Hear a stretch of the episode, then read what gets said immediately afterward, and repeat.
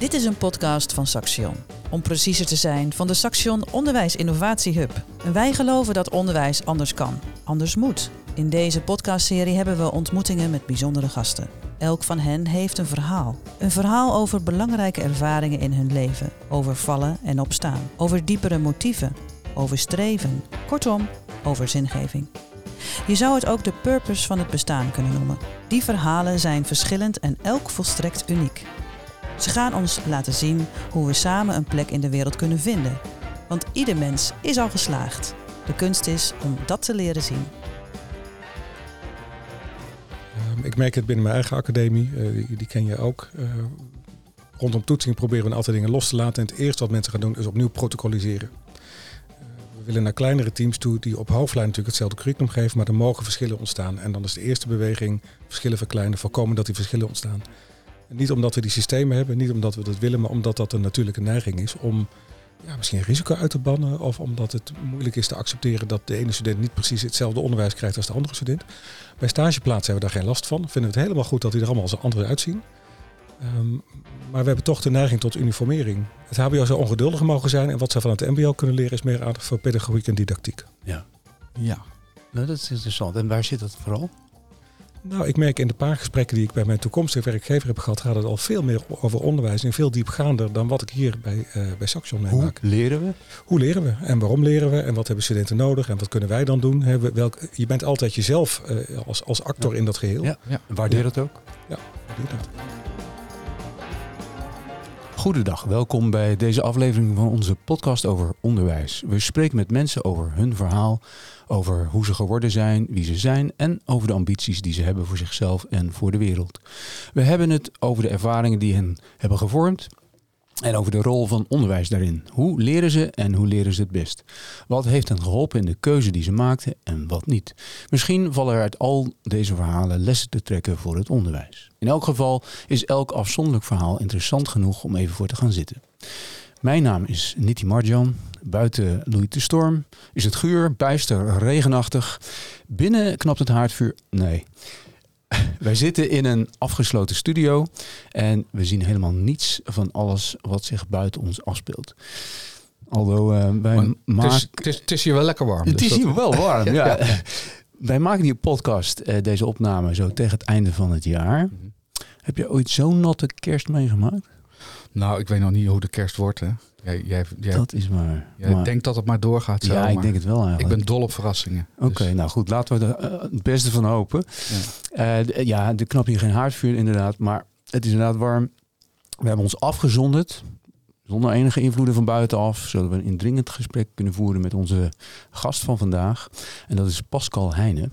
Pascal is scheidend directeur van de grootste Saxion Academie, de Academie Gezondheidszorg.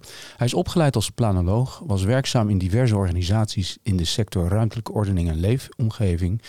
21 jaar geleden begon als docent planologie bij Saxion, verliep zijn onderwijscarrière van docent via teamleider en manager naar academiedirecteur.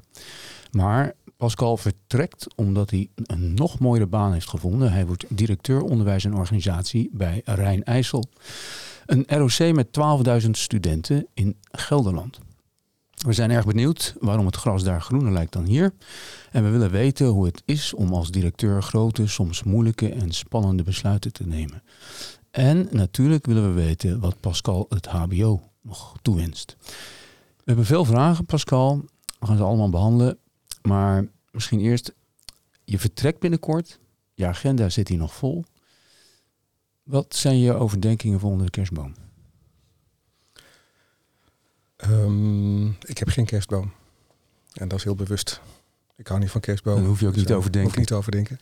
Nee, kijk, wat mijn overdenkingen zijn, is natuurlijk wat ik meeneem vanuit Saxion, vanuit het HBO naar het ROC. Uh, maar eigenlijk gaat het veel meer over de vraag: wat wil ik volgend jaar? Wat wil ik volgend jaar? En dan is werk maar een ding. Ja. Dus daar denk ik wel over na. Maar ik denk ook na over wat wil ik verder nog uh, komend jaar allemaal doen. Nou las ik ergens een interview met jou ook over ja, de situatie dat je gekozen hebt voor een andere baan.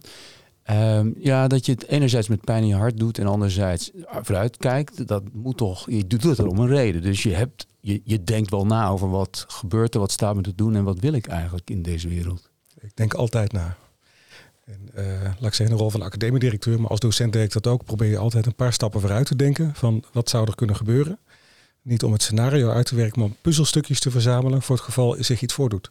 Uh, dus uh, regeren is vooruitzien. dus ik denk wel degelijk na. En ik heb eigenlijk zeven jaar geleden al besloten dat ik wegging. Alleen toen heb ik nog eerst een andere stap gemaakt. Dus ja. nadenken leidt ook soms tot hele andere acties. Ja. maar ik denk wel na. Ja. En, en, en, wat staat er op de puzzel? Je zegt puzzelstukjes. Het Saxion-stukje is nu rond, blijkbaar. Waar gaat de puzzel over? Nou, de puzzel gaat heel erg over wat, um, wat vind ik leuk om te doen. De puzzel gaat over waar liggen mijn kwaliteiten en hoe kan ik die het beste inzetten als ik kijk naar werk. Mijn puzzel gaat ook over hoe zorg ik voor een goede balans tussen werk en andere dingen die ik belangrijk vind. Uh, maar veel van de puzzelstukjes gaan natuurlijk over het werk wat ik doe. En dat betekent ook heel vaak dat ik al als dingen spelen, dat ik probeer te kijken wat speelt er allemaal. Ik probeer goed te luisteren, probeer dingen te verzamelen. Zodat als zich een situatie voordoet, ik zei net al, dat je dan ook snel kan handelen. Dus dat betekent ook dat je, um, ja, dat je ook, ik, ik praat veel met mensen, ik luister uh, naar wat mensen belangrijk vinden. Ik probeer ook te snappen wat anderen beweegt. Als bijvoorbeeld op het, uh, om Saxion gaat, denk ik, goh, ik zie het college van bestuur een aantal dingen doen. Wat, wat, wat, wat zijn de onderliggende motieven? Uh, hoe sluit dat aan bij wat, wat ik in de academie zie? Dus dat is wat ik een beetje bedoel met puzzelen. Dat is gewoon ja, informatie in je hoofd opslaan, zodat op het moment dat er iets speelt, dat je dan uh, snel of goed onderbouwd keuzes kan maken. Een soort regeren is vooruitzien. Zeker. En dat heb je altijd al gedaan? Nou, weet je, ik ben onder andere opgeleid als planoloog. En planologen die proberen een soort van 40 jaar vooruit te kijken hoe de wereld eruit zou moeten zien. Kijk. Uh, dus het is wel iets wat ik leuk vind om te doen. Ja, ja. Dat, dat puzzelen, lang vooruit kijken. Uh, een soort grote lijn schetsen. Gaat ook over maakbaarheid? Uh, ja, het gaat over maakbaarheid, maar het gaat misschien nog veel meer over uh, wat je visie op de wereld is. En of je vanuit die visie ook dingen voor elkaar kan krijgen. En natuurlijk, als je niet gelooft in maakbaarheid, dan heb je geen visie nodig. Want dan ga je gewoon doen wat uh, onze premier 13 jaar deed. Ja. Maar kijken wat er gebeurt en vervolgens niks oplossen. Dat is even in ieder geval mijn perceptie. Ja. Nou, zo zit ik er niet in. maar ik realiseer me wel dat maakbaarheid heel beperkt is. En, dus je ontwikkelt een idee voor de toekomst. Je kijkt vooruit. Um, hoe heeft zich in de tijd van jouw carrière uh, dat zo gevormd? Dat vooruitkijken, hoe is dat, heeft zich dat ontwikkeld? Nou, het is denk ik begonnen met mijn keuze voor mijn uh, eerste opleiding. Na mijn uh, VWO ben ik milieukunde gaan studeren, een HBO-opleiding bij een van de voorgangers van Saxion. En dat was omdat ik in die tijd gewoon heel erg, ik maakte me gewoon als kind heel erg zorgen over de wereld. Dat ik dacht, de wereld gaat naar de kloten. Wat ga ja, ik daar Je was doen? bezorgd, ja? Ik was echt bezorgd. Ja. Ik was een beetje een zwaarmoedig jongetje vroeger. Um, dus ik ben milieukunde gaan studeren vanuit die gedachte en wat die opleiding mij heel erg leerde. Het was een hele uh, multidisciplinair samengestelde opleiding. Er zaten docenten vanuit allerlei vakgebieden uh, die ons als student enorm stimuleerden om kritisch na te denken. Kritisch ja. na te denken over wat er in de wereld gebeurde. En daarin niet de gebaande paden uh, te kiezen, maar ook echt te komen tot, ja, kom tot een oordeel en gebruik daarin informatie van verschillende kanten. Hè. Dus zo, er zat bijvoorbeeld heel veel ecologie in de opleiding, maar ook heel veel chemische technologie. Er, zat, er zat heel veel uh, communicatieve uh, instrumenten in, maar ook uh, recht zat erin als thema. En daarin werden we enorm uitgedaagd als studenten om zelf na te denken van kijken naar de vraagstukken die er liggen. Dat waren in dit geval milieuvraagstukken. Met een grote complexiteit van wat zou je kunnen doen om, daar op, om daarmee om te gaan. En niet voor vandaag, maar ook voor morgen. En dat heeft me wel heel erg enthousiast gemaakt over multi- en interdisciplinair denken en werken. Maar het heeft me ook enorm geleerd om te kijken, ja, grote problemen vragen om een lange adem. En als je daar heel heigerig in zit, dan doe je niet de goede dingen. Dus dat, dat vraagt om nadenken over scenario's nadenken. Um, maar ook goed snappen hoe de maatschappij in elkaar zit. Dat heb ik daar heel erg geleerd. En dat uh, vraagt ook van je dat je naar grote vraagstukken kijkt. Hè? Ja. En, en, dat is ook jouw... Uh, dus je was een geëngageerd jongetje, zeg je eigenlijk. Je had een open vizier wat dat betreft, was ook bezorgd. Planologie kwam op je pad en toen dacht je, ja, dat is het. En dat, moest je meteen ook bezighouden met maatschappelijke zaken. Klopt dat? Ja, kijk, ik heb eerst milieukunde gestudeerd en toen ben ik naar planologie gaan studeren. Ja, dat dat, dat ja. volgde erop. Ja. En uh, planologie is natuurlijk, het is, een, het is een wetenschap, ik weet niet of het echt een wetenschap is, maar die gaat over de ruimtelijke inrichting. Dus dan denk je inderdaad heel erg lang na, of dan denk je vooral naar over lange termijn ontwikkelingen. En ik heb vooral bedacht, goh, als je kijkt naar duurzaamheid, dan is de manier waarop de wereld is ingericht heel belangrijk om op te sturen. Het is een manier van sturen. Mhm. Mm -hmm. En de grap is dat uh, planologen worden nog wel eens verwacht met blauwdrukdenkers die een soort plan maken wat je gaat uitvoeren. Maar vooral het proces om te komen tot een plan waarin je alle verschillende belangen goed afweegt. Dat is eigenlijk de essentie van wat een planoloog doet. Ja, dus wat, wat ik heel erg terug hoor is dat jij echt in de breedte zeg maar, er, een groot vraagstuk verlangt dat je eigenlijk een hele brede verzameling van mensen, denkbeelden, ideeën. Ja. Dus wat je net noemde, puzzelen. En, en, en ja, de vraag is dan, waar, waar is dan je eigen visie daarin? Of ben jij een visievormer uit nou ja, 50 mensen spreken en dat bij elkaar optellen of zo? Hoe doe jij dat?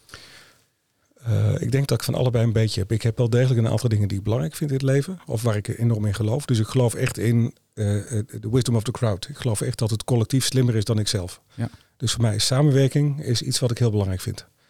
Denken vanuit het collectief is iets anders wat ik belangrijk vind. Het is nog wat anders dan samenwerking. Dus um, ik denk altijd dat je, zo zit ik ook in mijn rol als directeur, ik denk primair altijd vanuit het Saxion-belang en daarna vanuit het academiebelang.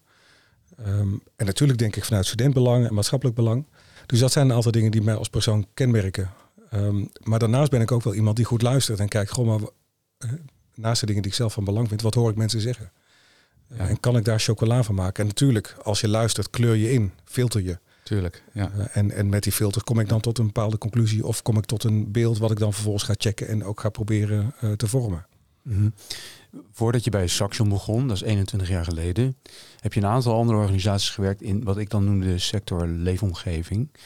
Is dat een goede term? Ja. ja. ja. Um, en is in die periode, want je, je hebt een aantal uh, organisaties gezien, het is relatief kort zou ik maar zeggen. Uh, wat is daar gebeurd in, jouw, in, jouw, in, in die manier van kijken, in jouw ontwikkeling, uh, in, je, in jouw carrière? Um, dat vind ik een lastige vraag. Uh, ik ben vaak van baan veranderd. En toen ik bij Saxon kwam werken, dacht ik, dit gaat wat langer duren dan anderhalf jaar. Dat dacht je toen al wel? Dat dacht ik toen al wel. Ja, waarom? Uh, nou, omdat het ook vluchtig is om ergens anderhalf jaar, twee jaar te blijven. Waarom deed je dat voorheen? Nou, dat, dat varieerde. Toen ik van, van, van, van mijn hbo-opleiding afkwam, zei mijn toenmalige, een van mijn toenmalige docenten, zorg dat je eerste paar banen niet langer duren dan twee jaar. Ah. Nou, dat is Goed gelukt. advies, ja. uh, was goed advies. En waarom was dat Hij belangrijk? zegt, uh, bouw een referentiekader op. Zorg dat je verschillende ervaringen opdoet om ook je eigen oordeel te kunnen vormen. Um, en in zekere zin zou je kunnen zeggen, is dat, is dat ook een beetje zo, uh, zo gegaan. En dat re referentiekader was af toen je bij Saxion begon. En toen zei je, nou, nou heb ik hem en nu kan ik daar wat gaan doen. Nou, mijn, mijn referentiekader was niet helemaal af. Want voordat ik bij Saxion ging werken, ging ik op een andere plek werken. En dan was ik na een week was ik tot de conclusie gekomen dat het niet paste. Okay. En na drie weken heb ik ontslag genomen. En toen dacht ik, nu moet ik iets. En toen ben ik bij Saxion terechtgekomen. En dat was ook iets? Dat was een hele goede keuze. En, Ja. en wat um, in de jaren daarvoor werkte ik inderdaad in de leefomgeving. En een van de dingen die ik heel erg miste was dat, um, hoewel het uiteindelijk heel erg gaat over maatschappelijke vragen waar mensen een rol spelen, ging het toch heel erg over taaie processen en procedures. En toen ik. Um, En dat heb je in de hogeschool helemaal niet. Um, uh, daar, daar, uh, nou, ik denk dat het MBO dat nog veel sterker heeft. Dus als dat de strikvraag is, dan uh, trap ik daar niet in. Nee, kijk, Ja. in het HBO gaat het heel erg over mensen. Het gaat over de ontwikkeling van mensen. Tenminste, dat is wat, waar het over zou moeten gaan. En dat heb ik ook altijd zo ervaren. Dus ik merkte heel erg toen ik um, bij, die, bij, die, bij mijn, mijn laatste werkgever voor Saxion uh, plotseling wegging. Dat ik dacht, ik wil, ik wil iets met mensen. En dat had ik nooit zo bedacht als persoon. Dus ik wilde iets met mensen en ben toen in het vakgebied waarin ik uh, gewerkt had, ben ik begonnen als docent. En dat was echt fantastisch. Nou, dat, dat is wel een antwoord op mijn overigens niet strikvraag. Je, je zegt uh, in die planologie uh, of in die, in die wereld. Ik had altijd met mensen te maken, taaie processen, maar ik wil eigenlijk echt met mensen werken. Ja. En dat vond je in het onderwijs? Absoluut. Ja. Eerst als docent. Ja. Maar op een gegeven moment werd je teamleider, want dat was toch interessanter. Waarom? Uh, omdat ik in het onderwijs altijd dacht, het kan ook beter, het kan slimmer, het kan anders. En dat kun je heel goed als docent doen. Ja. Dat kun je in heel verschillende rollen Mhm, doen. mhm. Maar ik had dan altijd de neiging om het te, te gaan bemoeien met de mensen die zich daar ook mee bemoeiden. Mm. Ja. En dan dacht ik nog wel eens dat ik het misschien wel uh, anders zou doen. Ja, het kan heel irritant zijn voor degene die dat dan overkomt. Maar... Ja, of, of heel behulpzaam natuurlijk. Dat, Dat- is even de vraag. Ja, ja. Dat Hè, dus, dus, dus je, Ja. je, Hoe, werkte dat? Hoe je werkte kwam binnen en dacht ook van het kan beter, het kan anders. En waar, wat, waar, waar zat dat? Nou, ik kan me nog een keer een vergadering herinneren. We waren met een aantal docenten en de teamleider die was ziek. En toen zei de, de club van docenten, ja, dan kunnen we geen besluiten nemen. Terwijl, We hebben vrij. nou ja, niet zozeer vrij, maar we voelen ons niet handelingsbekwaam. Terwijl studenten gewoon met vraagstukken zaten. Ja. Ik dacht, het kan niet waar zijn dat als de teamleider ziek is, dat hij ook nog eens een keer een, een team van mensen heeft die niet tot besluiten komen. Kijk, En niet dat ik toen een koep heb gepleegd, uh, maar, maar, ik dacht wel van ja, dat is natuurlijk helemaal niet helpend. ik wil dat het anders wordt. Ik wil dat het anders wordt. Ja, Ja. dus, dus, dus dan, dan komt er toch ook een soort van een soort, nou ja, ik weet niet of een missie een goed woord is, maar wel een soort van je had iets te doen in dat onderwijs. Ik, ik denk dat iedereen wat te doen heeft in het onderwijs. Ja. Ja, kijk, het is, het is meer dat je dan op een gegeven moment dingen ziet dat je denkt, hé, hey, blijkbaar heb ik met mijn manier, mijn, mijn manier van kijken, kan ik iets toevoegen. Want mensen zeiden, ja, eigenlijk wel een goed idee om toch maar die vergadering door te laten gaan. Wil jij dan voorzitten? En je hebt dan ook een wat groter bereik hè, als teamleider, vervolgens manager en uiteindelijk directeur hier. Dan heb je een groter bereik, heb je ook meer impact. Uh, ja. Want als docent kun je het willen, kun je ook wat doen, ja. blijft klein. Uh, ja, tegelijkertijd ook in welke rol dan ook. Je bent altijd een radertje in het geheel. En dat vergeten mensen wel eens. Ja. Uh, maar je bent wel een radertje met een bepaalde impact. Ja, dat klopt. Ja. Oké. Kun je iets vertellen over die impact? Welke impact heb jij gehad in de zes jaar dat je in deze rol als directeur van de Academie Gezondheidszorg hebt ge gefunctioneerd? Nou, ik, ik, wil nog even iets over dat woord impact zeggen. Mm -hmm. uh, want ik heb ook heel lang ge geworsteld met wat, wat is nou zo'n positie en wil je dat of wil je dat niet? Mm -hmm. Omdat het impact gaat ook over positie, gaat ook over macht. En macht vond ik altijd een heel ingewikkeld woord. Mm -hmm. Tot ik me realiseerde dat op het moment dat je in zo'n positie zit, dat je ook een verantwoordelijkheid kan nemen die je anders niet kan nemen. Dus, dus dat, is, dat is wel voor mij heel lang een thema geweest. Maar dan zeg je dus eigenlijk, het gaat om een. Om, op, het gaat erom dat je op een verstandige en conscientieuze manier met macht omgaat. Want je hebt macht, maar hoe gebruik je die macht om dat, dat, hè, dat, om dat in te zetten zodanig dat anderen ook uh, in hun kracht komen? Ja, en ik vind het woord macht nog steeds een vervelend woord. Dus ik, ik, ik heb het meestal over autoriteit en die krijg je. Die krijg je van anderen. Uh, en die krijg je ook als mensen het gevoel hebben dat je iets kan toevoegen. Hè. Dus voor mij is daar, daarom altijd belangrijk om het te verhouden tot mijn omgeving. Omdat mijn omgeving bepaalt of ik effectief kan zijn. Dus zo kijk ik in ieder geval naar dit soort posities. Heel concreet naar je vraag, wat heb je in die zes jaar gedaan? Uh, ik denk dat ik uh, in ieder geval gezorgd heb dat we binnen de academie veel meer uh, het thema gezondheid centraal gaan stellen. Of belangrijk zijn gaan vinden naast wat de opleidingen al doen. Dus dat we ook de collectiviteit wat meer zijn gaan opzoeken. En dat we ook de opleiding die we hebben plaatsen in de context van een veranderende wereld. Waarin bijvoorbeeld ook thema's als preventie, die al hartstikke goed in de academie ver, verankerd waren, beter werden opgepakt. Het samen leren, het van elkaar leren. Uh, dus daar waar het thema ouderen bij het ene lectoraat een thema was en met het andere lectoraat niet, hebben we ook gezegd laten we de lectoraat ook meer gaan samenwerken. Dus ik denk meer inzetten op samenwerking. Um, ook rondom onderzoek kijken of je ook meer flexibiliteit kan organiseren in dat onderzoek, maar ook in de relatie onderwijs-onderzoek. Ik denk dat ik daarin een aantal stappen heb gezet. Ja, dus zowel aan de procesmatige kant, maar ook inhoudelijk met een agenda. Andere accenten leggen in, in het veld gezondheidszorg. Uh, ja, en daarin past mij wel bescheidenheid. Uh, ja, daar heb ik voor gezorgd, maar dat heb ik vooral gedaan door goed te luisteren, Mhm. maar vooral door inhoud belangrijk te maken. Uh, ik kreeg op een gegeven moment, na een half jaar, kreeg ik van een van de lectoren het, uh, het compliment. Die zei, goh, wat fijn dat bij jou de inhoud zo belangrijk is. Ja. Terwijl ik helemaal niet uit de gezondheidszorg kom. Maar ik heb wel altijd gezegd, bij keuze die we maken, moeten de inhoud en ook waar de opleiding toe opleidt, moet uh, eigenlijk de kern van je verandering zijn.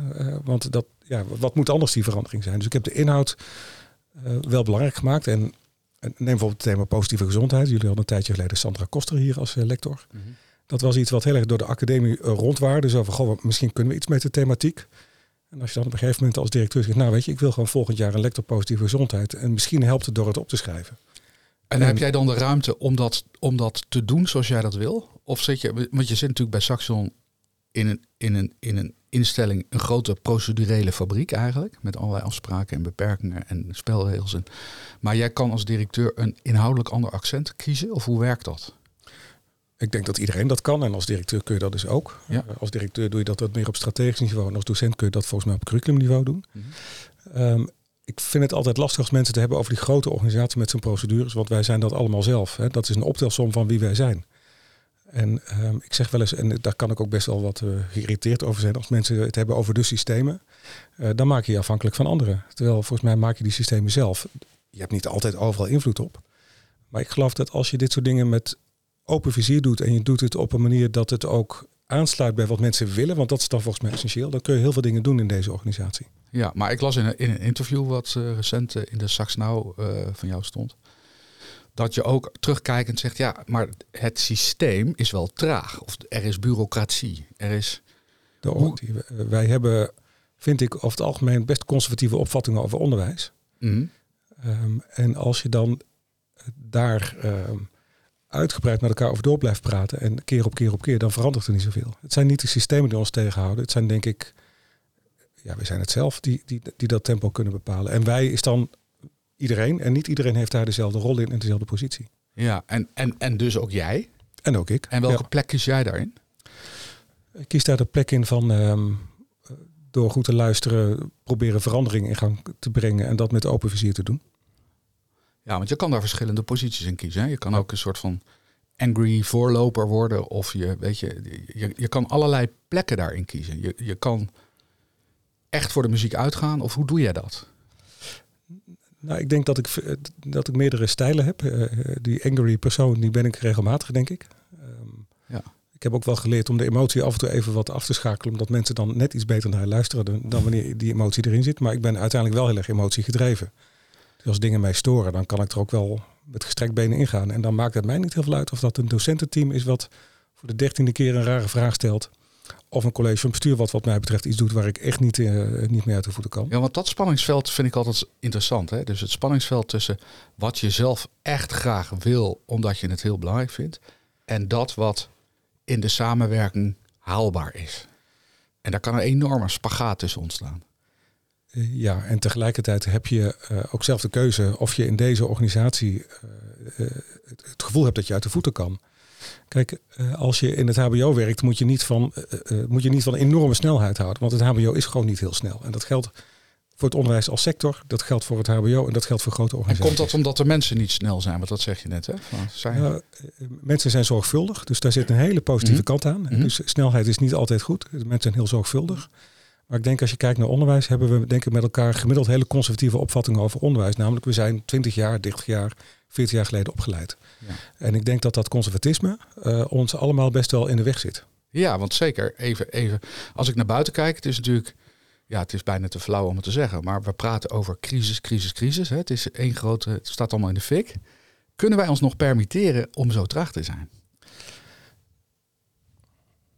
Ja, goede vraag. Eh, we, we zijn het. Eh, Ja. En tegelijkertijd proberen we volgens mij absoluut op onderdelen te versnellen. En volgens mij zijn er ook heel veel dingen waarin we de goede dingen doen die wel het goede tempo hebben. Mhm. Dus ik denk dat je een hele grote variatie kan zien. Maar in datzelfde interview eh, las ik het ook als een verzuchting. We zijn, we doen het zelf. En we inderdaad in die verschillende rollen. Verzuchting in de zin van, nou, ik word ook wel wat moe van. En ik zit hier al 21 jaar in, nou in deze rol. En hmm. is dat ook, ja, ik wil het niet een frustratie noemen, maar heb je dan toch een beetje gevoel van, ah, ik, ik vind het toch lastig. Want ik zie het ook, hè. ik zit Mhm. hier ook al vrij lang. En ik, ik zie wat jij zegt. We doen het zelf op alle niveaus. Ja. Maar wat maakt dat? En hoe doorbreek je dat? En wie zou het anders moeten doorbreken misschien wel dan een directie? Eh, dat vind ik een terechte vraag. Volgens mij heb je eh, in een directie of in een bestuur heb je een voorbeeldfunctie. Eh, dus ik denk dat de, ehm, de koers en de energie die je daar laat zien wel heel bepalend is voor de mensen in de organisatie die zich daarin herkennen. Of andersom. Eh, dus ik vind bijvoorbeeld in de rol van directeur vind ik voorbeeldgedrag heel belangrijk. Eh, daar waar ik nog wel eens geïrriteerd uit hoe kan komen. Realiseer ik me heel goed dat als ik dat als directeur doe, waarbij ook nog de hiërarchie een rol speelt, dat het heel veel harder binnenkomt. Dat is impact. En dat geldt ook voor visie. Dus op het moment, van op het moment dat je met elkaar een heldere visie hebt, dan, eh, dan vind ik het ook een verantwoordelijkheid om dat om te zetten naar, naar actie. Ik heb in het interview gezegd dat ik sommige dingen wat langzaam vind gaan. En er zijn ook dingen waar ik wel teleurgesteld over ben. Als ik kijk naar de Saxion onderwijsvisie, hadden we volgens mij een hele mooie lijn te pakken. Die we toch volgens mij niet, niet, zo, ja, niet zo voortvarend hebben omgezet naar mooi onderwijs.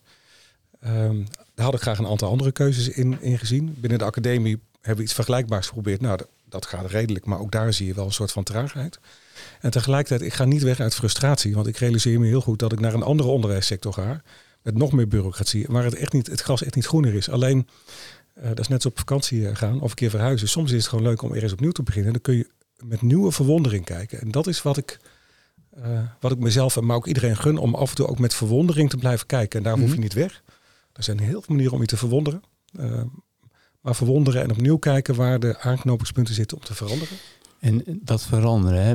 dus je krijgt eigenlijk een, een, een nieuwe organisatie waar je eh, aan knoppen kan gaan zitten. Welke knoppen pak je dan? Als het gaat om dit aspect, hè? dus ehm, noemen het systemen, maar wij zijn de systemen. Ehm, eh, wij zijn een systeem, een samenhangend geheel van mensen die het toch met elkaar doen. En ja, de het conservatisme dat eronder zit, waar ga je dan op drukken? Dat is misschien lastig om nu al te zeggen, maar wat is je idee daarover eh, met wat je nu weet uit je ervaringen tot nu toe hier? Ehm, ik, ik heb wel een beetje een beeld van wat me te doen staat. Tenminste, mensen hebben mij ook een aantal vragen Ja, gesteld precies. in die Ja. nieuwe rol. Ja. En dat is wel om veel meer ook de eh, docentschap als professie een rol te geven in keuzes die worden gemaakt en niet de bureaucratie. Dus ik in het MBO heb je natuurlijk eh, met, met vier niveaus te maken. Je hebt te maken met leerplicht, met ik geloof presentieplicht en allemaal dat soort dingen. Eh, En dat gaat dus over het nemen van verantwoordelijkheid. het gaat over nemen van Iedereen. verantwoordelijkheid. Ja. En over het terugbrengen van verantwoordelijkheid bij de docenten. Eh, ja, en dan wel nadrukkelijk bij de docenten als collectief, niet bij de docenten individueel. Nee, exact. Ja. exact. Oké, Ja. oké. En daaraan gekoppeld ook de opgave die er ligt om bijvoorbeeld de uitval in het MBO, MBO, eh, MBO te verkleinen. De uitval is best hoog. In, bij ons trouwens ook in het HBO. Ja, zeker. Ook om te kijken of je kan zorgen dat studenten die de opleiding of die de organisatie verlaten, dat met een certificaat kunnen doen. Ook als ze niet de hele vier jaar of de hele drie jaar hebben doorlopen. Dus het gaat er ook om of je kan kijken of je op een andere manier maatschappelijke waarde kan toevoegen vanuit zo'n onderwijsinstelling. En of je dus slimmer en anders ook met eh, systemen, patronen en, en, en regels kan omgaan. Ik heb, ik heb nog even, even terug naar een, een, een persoonlijke vraag, hè, voor we ook weer doorgaan op, op dat beeld over onderwijs. Ehm, als ik naar je luister, en ik kan me dat ook voorstellen, er is een spanningsveld tussen wat je zeg maar verticaal in jezelf wil en kan, en hè, hoe, hè, daar heb je, je je ontwikkelt gevoel, en je hebt horizontaal wat er haalbaar is in de, in de samenwerking. En daar, zal in ieder geval, daar zit volgens mij altijd een, een, een, zoektocht, een spanningsveld in. Hoe doe jij dat zelf als die spanning oploopt? Ik heb gelezen, je gaat fietsen, maar Ja, hè, ja. hoe, doe je, hoe doe je dat? Ja, dat wou ik eigenlijk zeggen, maar dan ga ik, dan ga ik fietsen. Dan ga jij fietsen. Ja, en, en wat ik ook Ja. wel doe is eh, soms ook eh, kijken of ik dat perspectief van buiten weer terug kan halen. Ik heb ooit een, opleiding, een ver- veranderkundige opleiding gedaan. Daar ben ik nu nog een paar uur per maand als, eh, als coach aan verbonden. ja. En dat doe ik onder andere om dus iedere keer eh, even dan uit mijn eigen werkcontext te stappen. Dan ga ik met vier mensen in gesprek die allemaal in een situatie zitten zoals ik. Die hebben allemaal een eigen veranderopgave. En dan probeer ik hun bril op te zetten en naar mijn eigen situatie te kijken. Nou, dan zie ik echt hele andere dingen dan wanneer ik dat niet doe. Oké. Dus dat is een, dat is een manier Perspectieven van Eh, andere mensen. lenen. perspectief aan andere ja. mensen lenen. Ehm, als ik me wel eens echt erger aan dingen, dat doe ik wel eens. Ja, Eh, ja. ehm, dan ga ik met mensen in gesprek. Ja. Eh, dus ik heb bijvoorbeeld van de week eh, ook met, nou, met, met het college van bestuur al een aantal dingen doorgepraat die mij, die mij bezig hielden. En dan merk ik heel snel dat het oordelen eigenlijk altijd, als je niet oppast, het goede gesprek in de weg staat. Mhm. En dat als je het goede gesprek aangaat, en dat vind ik ook van Saxion, is er eigenlijk altijd ruimte. Ja. Dus ik merk dat er niet zozeer een gebrek aan ruimte is, maar dat we met elkaar niet altijd meer, en dat is ook het risico als je ergens lang zit, dat je dan, tenminste dat is het risico wat ik voor mezelf zie, Je gaat ik het je even heel persoonlijk houden. Ja, je, je, je, ga- je gaat patronen herkennen en dan weet je het wel. Ja, maar precies, het zijn allemaal interpretaties. Het zijn allemaal Ja, sociale precies. constructies in je hoofd.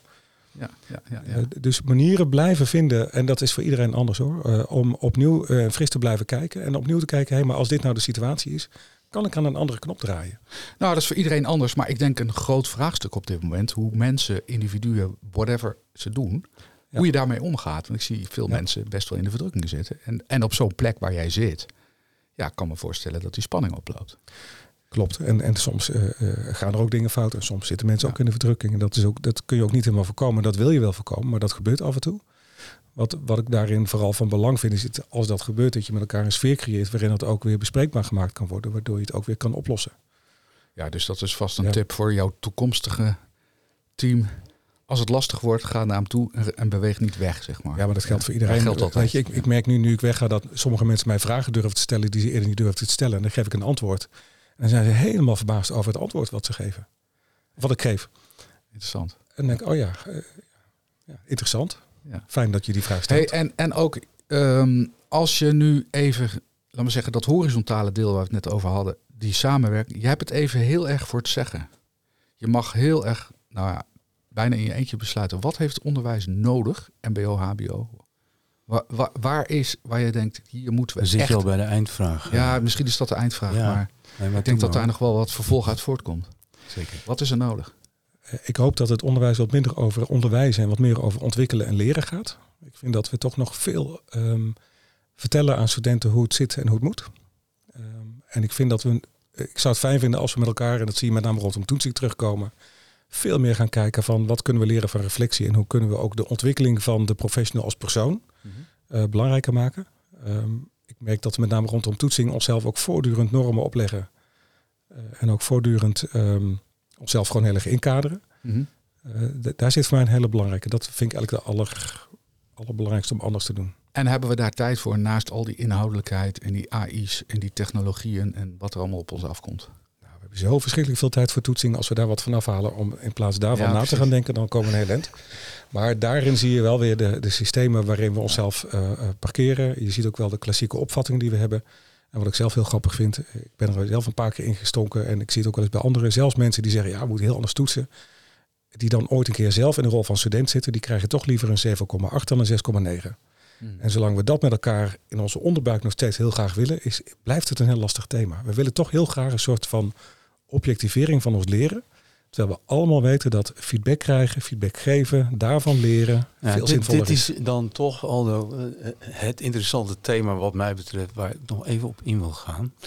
Ehm, dus eh, over conservatisme gesproken, ja, dat, dat, daarmee zet je het misschien ook wat weg, maar eh, het, het, dat speelt wel. En wat ik ook zie in onderwijsontwikkeling, is dat dat echt remmend is. Hè? Dat we zoveel willen produceren om er te zorgen dat alles rechtvaardig is enzovoort. Ik za- zag jou ergens eh, noemen dat die in Holland affaire ons echt in de weg gezeten heeft. Nou, iedereen die in die tijd in het onderwijs zat en nu nog, die weet dat is echt zo geweest. Daar is echt een soort breuk geweest Mhm. in, nou, in, in, vanuit, ik zal maar zeggen, vanuit bes- besturen, die direct en heel lang en nog steeds doorwerkt tot op de werkvloer en in het onderwijs en met studenten. In Holland even kort uitleggen. Dat ging om een fraudezaak, waardoor het hele HBO onder een vergrootglas kwam te liggen en de reflex was bij besturen terug toezicht. Dus we willen altijd maar eh, al, iedereen moet eigenlijk het, de- door dezelfde hoepel. Iedereen moet Maakbaar, controleerbaar, heel sterk maken. voorspelbaar. Terwijl je zegt net, tenminste zo interpreteer ik even je woorden. Ja, maar natuurlijk, dat moet rechtvaardig zijn. Maar die rechtvaardigheid zit niet in die, dit papier, in de manier waarop, je het allemaal opschrijft. Je moet het erover hebben. Je bent met mensen in gesprek, je hebt het erover met elkaar. Ehm, en dat is aandacht. En dat leidt tot enige maat van variëteit. Dus dat, daar zitten verschillen. Maar dat kan niet anders als je goed aan, aandacht geeft. Want iedereen is anders, heeft ook iets anders nodig. En tegelijkertijd blijft het ontzettend hangen in die systemen. Wat, wat, wat is daar nou toch aan de hand? Ja, het blijft dus niet hangen in de systemen. Het blijft weer hangen in mensen Eh, die sorry, dan ja, verschillen niet accepteren. Ja, Ehm, ik merk het binnen mijn eigen academie, eh, die, die ken je ook. Eh, rondom toetsing proberen we een aantal dingen los te laten. En het eerste wat mensen gaan doen is opnieuw protocoliseren. ja. We willen naar kleinere teams toe die op hoofdlijn natuurlijk hetzelfde curriculum geven, maar er mogen verschillen ontstaan. En dan is de eerste beweging verschillen verkleinen, voorkomen dat die verschillen ontstaan. Niet omdat we die systemen hebben, niet omdat we dat willen, maar omdat dat een natuurlijke neiging is om ja, misschien risico uit te bannen. Of omdat het moeilijk is te accepteren dat de ene student niet precies hetzelfde onderwijs krijgt als de andere student. Bij stageplaatsen hebben we daar geen last van. Vinden we het helemaal goed dat die er allemaal als andere uitzien. Ehm, maar we hebben toch de neiging tot uniformering. Heb jij dit als thema ook geadresseerd in die jaren dat je hier was? Absoluut. Mag ik even vragen waar en hoe? Nou, door heel vaak op die eigen verantwoordelijkheid eh, eh, te, focussen. Door het te hebben over die kleinere teams waarin het verschillend mag gaan. Door ook heel erg te kijken wie heeft nou eigenlijk welke rol waarin. eh, waarin. Een docent heeft vooral de rol om ook een stukje verantwoordelijkheid te nemen. Eh, kijk dat je op hoofdlijn een gezamenlijk curriculum hebt. Dat is vooral voor die student heel fijn. Maar dat daar op onderdelen, misschien bij het ene team andere, of door de ene docent andere accenten worden gelegd dan andere. Dat hebben we volgens mij, daar hebben we ontzettend veel ruimte in gegeven. Als, als, als MT, als directeur heb ik dat volgens mij heel, heel vaak uitgestraald.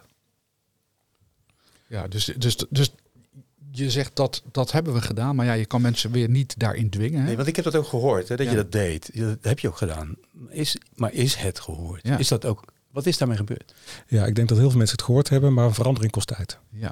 Dus je moet ook met elkaar En daar, heb accepteren. jij, en daar heb jij geen zin in om dat af te wachten. Nou, los van het feit dat ik eh, soms op een gegeven moment denk, het is tijd voor wat anders. Maar eh, na zes jaar denk ik dat je waar je goed in bent gedaan hebt, dan is het goed dat anderen dan het stokje overnemen. Maar bijvoorbeeld het feit dat we binnen de academie docentschap als een thema nu hoog op de agenda zitten, dat zou het HBO in de breedte wel mogen doen, is wel een gevolg daarvan. Oké. Maar het HBO zou wel wat ongeduldiger mogen zijn.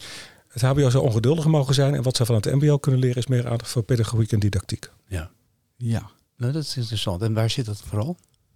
Nou, ik merk in de paar gesprekken die ik bij mijn toekomstige werkgever heb gehad, gaat het al veel meer over onderwijs en veel diepgaander dan wat ik hier bij, uh, bij Saxion Hoe meemaak. leren we? Hoe leren we en waarom leren we en wat hebben studenten nodig en wat kunnen wij dan doen? He, welk, je bent altijd jezelf uh, als, als actor Ja. in dat geheel. Ja. Ja. Waardeer dat ook?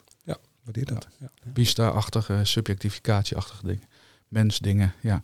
Ja. Maar ja, nou, hoe kunnen we dat bij het HBO versterken, vergroten? Nou ja, leren van, Dat het, is- van het mbo misschien. Ja, misschien. Ja, we, komen nog eens terug binnenkort. Nou, ja. lijkt me hartstikke leuk. Ja.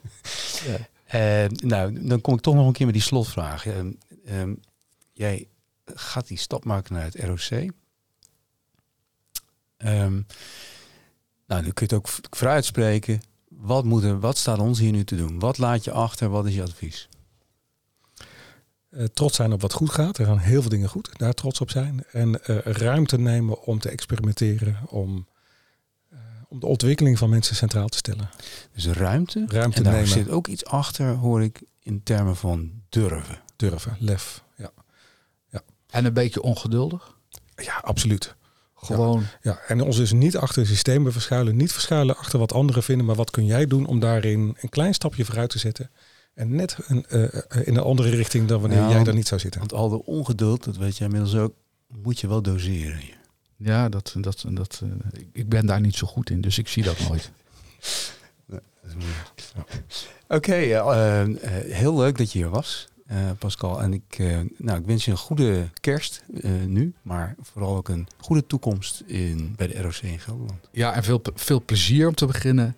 En, en ook ongeduldig. En, en ook veel succes in je, in je, in je missie daar. Ja. Ik, eh, ik blijf ongeduldig. Dank Blijf dat doen. Goed zo. Dankjewel. Dankjewel. Dit was een productie van de Saxion Onderwijs Innovatie Hub. Heb je ideeën of wil je weten wat we allemaal doen? Kijk dan op saxion.nl voor meer informatie.